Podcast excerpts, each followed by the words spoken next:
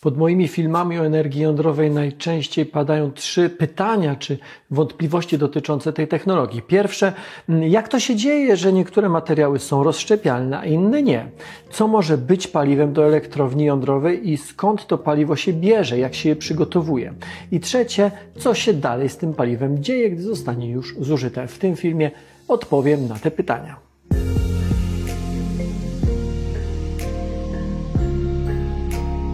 Zacznijmy od paliwa.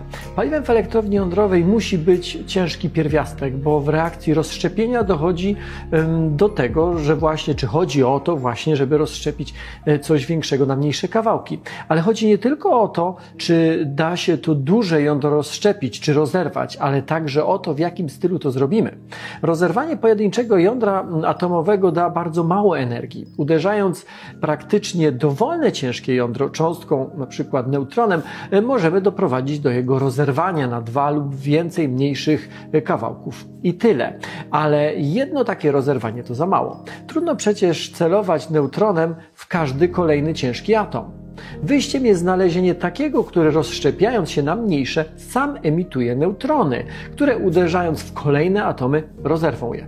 Gdy te neutrony są na przykład trzy, e, rozszczepiając jedno jądro, dostajemy małą porcję energii i trzy neutrony, które rozszczepiają trzy kolejne jądra, ale każde z tych trzech rozerwanych jąder też wyrzuci z siebie średnio 3 neutrony, a to da nam już 9, a potem 27, 81, 243 i tak dalej. I to jest właśnie reakcja łańcuchowa. Przypomina trochę lawinę, która też zaczyna się od małego kamyczka. I gdyby rzeczywiście każda reakcja łańcuchowa przypominała lawinę, ilość uwalnianej energii rosłaby tak szybko, że mielibyśmy do czynienia właściwie z eksplozją bomby jądrowej, z eksplozją ładunku jądrowego. Reaktory nie mogą wybuchać jak bomby z wielu powodów, ale jednym z nich, albo jednym z najważniejszych jest to, że my nie pozwalamy, żeby każdy z trzech neutronów zapoczątkował kolejne trzy rozszczepienia. Pilnujemy, by robiła to tylko ściśle określona liczba neutronów. W trakcie normalnej pracy reaktora dokładnie jeden. To powoduje, że reakcja jest utrzymywana na stałym poziomie. Jedno rozszczepienie powoduje e, jakąś porcję energii i jeden neutron, który rozszczepi kolejne i tak dalej, i tak dalej. Co więcej, potrafimy tę liczbę neutronów zmniejszać, czyli e, albo zwiększać, czyli zmieniać, e, czyli potrafimy rozpędzać reaktor, rozpędzać i go hamować. Możemy też zahamować go całkowicie, właśnie dzięki kontroli liczby neutronów, które powodują kolejne rozszczepienia. Z długiej listy ciężkich izotopów odpowiednie warunki spełnia tylko kilka, w tym uran 235 i pluton 239. 235, 239 to są izotopy uranu i plutonu.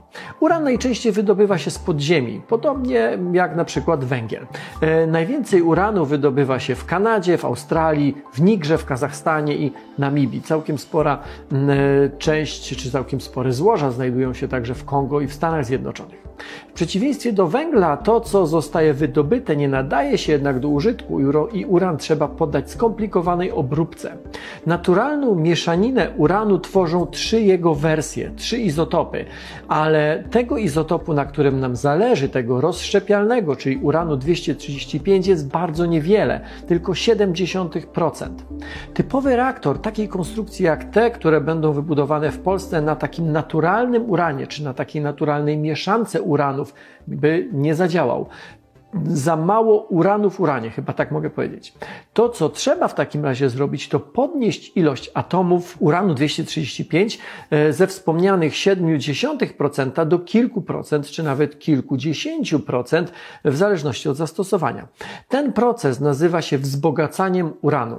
W paliwie do takich reaktorów jak te, które będą u nas, koncentracja uranu 235 zwykle wynosi od 3 do 5%. Proces wzbogacania jest skomplikowany, drogi i dość długotrwały. Sposobów na to, by to robić jest kilka, ale taka technologia jest ściśle reglamentowana. Mają zaledwie kilka krajów na świecie. Wzbogacać uran potrafią Francja, Stany Zjednoczone, Japonia, Rosja, Chiny i Pakistan. Jest też europejskie konsorcjum składające się z trzech krajów Niemcy, Holandia i Wielka Brytania. Przygotowanie paliwa nie sprowadza się jednak tylko i wyłącznie do oczyszczenia i do wzbogacenia uranu. E, formuje się go w niewielkie pastylki, które układa się jedna na drugiej w metalowych rurkach. I te rurki wypełnione w środku to są pręty paliwowe. Te pręty wiąże się, czy układa się w tak zwane zestawy paliwowe, a ich wielkość jest uzależniona od konstrukcji reaktora.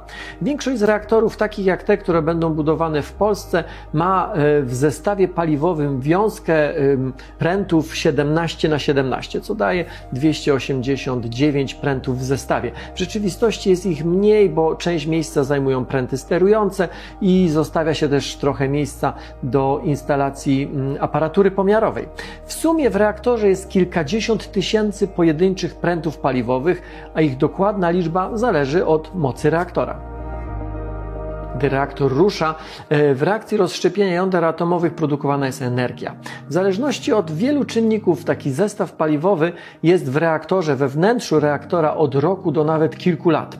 Po tym czasie jest wyciągany. Nie dlatego, że nie ma już w nim uranu, ale dlatego, że ilość rozszczepialnego izotopu uranu 235 spada na tyle, że trzeba wstawić w jego miejsce nowy. Ale ten uran, który w paliwie pozostał, a jest go tam jeszcze bardzo dużo, może być odzyskany odzyskany i po odpowiedniej obróbce e, już w nowym zestawie paliwowym może wrócić do wnętrza reaktora. Najpierw jednak pręta, w zasadzie cały zestaw paliwowy jest umieszczany w znajdującym się obok reaktora dużym basenie.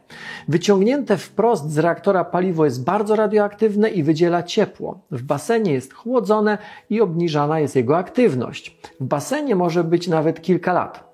Później trafia do suchych przechowalników w specjalnie zabezpieczonej hali czy magazynie na terenie mm, samej elektrowni. Po kolejnych latach, gdy możliwy jest już transport w specjalnie testowanych na wszelkie okoliczności pojemnikach, to zużyte paliwo czy te zużyte elementy paliwowe trafiają do specjalnego składowiska docelowego lub mogą być przekazane do e, zakładu przetwarzania odpadów radioaktywnych. W tym zakładzie przetwarzania z wypalonego paliwa odzyskuje się nie tylko uran, ale także inne pierwiastki, które zostały we wnętrzu reaktora wyprodukowane. Natomiast część paliwa, która nie może być już przetworzona, a to jest zaledwie 10%, jest rozpuszczana w silnym kwasie, następnie zamieniana albo w proszek, albo e, jest zestalane w szkło i wędruje do składowiska e, już takiego stałego jako ciało stałe. Ilekolwiek udałoby się nam odzyskać, zawsze pozostaje jednak radioaktywny odpad. Po roku e, działalności bloku jądrowego o mocy elektrycznej 1 GW powstaje około 30 ton wysokoaktywnych odpadów promieniotwórczych. I zawsze powstaje pytanie, czy to jest dużo, czy mało. I dużo, i mało. Gdyby porównać to do zanieczyszczeń i odpadów, także promieniotwórczych, jakie wiążą się z produkcją prądu z węgla, kilkadziesiąt ton rocznie z dużego reaktora brzmi jak bajka. Bajką nie jest jednak to, że odpady radioaktywne trzeba traktować z dużą ostrożnością. Nie można ich składować w dowolnym miejscu. W Polsce przeznaczone do y, deponowania tego typu odpadów jest jedno miejsce. Znajduje się w Różanie y, obok Ostrołęki. Tam mieści się krajowe składowisko odpadów promieniotwórczych. Składowanie odpadów y, promieniotwórczych rodzi oczywiście całkiem spore koszty, jednak w cenie energii elektrycznej z atomu jest to zaledwie 2%. Warto też dodać, że odpady radioaktywne to nie są jedynie odpady z elektrowni jądrowej. Y, I tutaj y, przykład Francji. Francji, która ma 56 reaktorów i dzięki ich pracy produkuje niemal 70% swojej energii elektrycznej. Równocześnie w tej samej Francji tylko, a nawet niecały 1% objętości radioaktywnych odpadów, o które trzeba się troszczyć, to odpady wysokoaktywne, wyprodukowane czy pochodzące z wypalonego paliwa jądrowego jądrowego. Przytłaczająca większość, ponad 99% wszystkich odpadów radioaktywnych to materiały średnio i niskoaktywne, pochodzące nie tylko z energetyki, ale także z przemysłu czy medycyny. Innymi słowy, czy mamy energetykę jądrową, czy też nie, składowiska odpadów radioaktywnych i tak trzeba budować, i tak trzeba ich doglądać. Jasne, odpady z energetyki są zwykle dużo bardziej radioaktywne niż te z medycyny, jednak z drugiej strony jest ich znacznie mniej. Wypalone paliwo jest bezpiecznie przechowywane na terenie elektrowni, wychładza się po to, by po kilkudziesięciu latach trafić do przerobu, albo do finalnego składowiska podziemnego. Powstałe w paliwie substancje promieniotwórcze przez następne długie dziesięciolecia będą się rozpadały, systematycznie tracąc radioaktywność. Z czasem staną się pierwiastkami stałymi, których nie trzeba się obawiać. W Polsce także będzie musiało powstać składowisko odpadów wysokoaktywnych, bo to, które mamy teraz, przyjmuje mniej aktywne odpady z medycyny i przemysłu. Nie została jeszcze wybrana jego lokalizacja, jednak mamy na to przynajmniej kilkadziesiąt lat. Nauka to lubię. Dziękuję bardzo.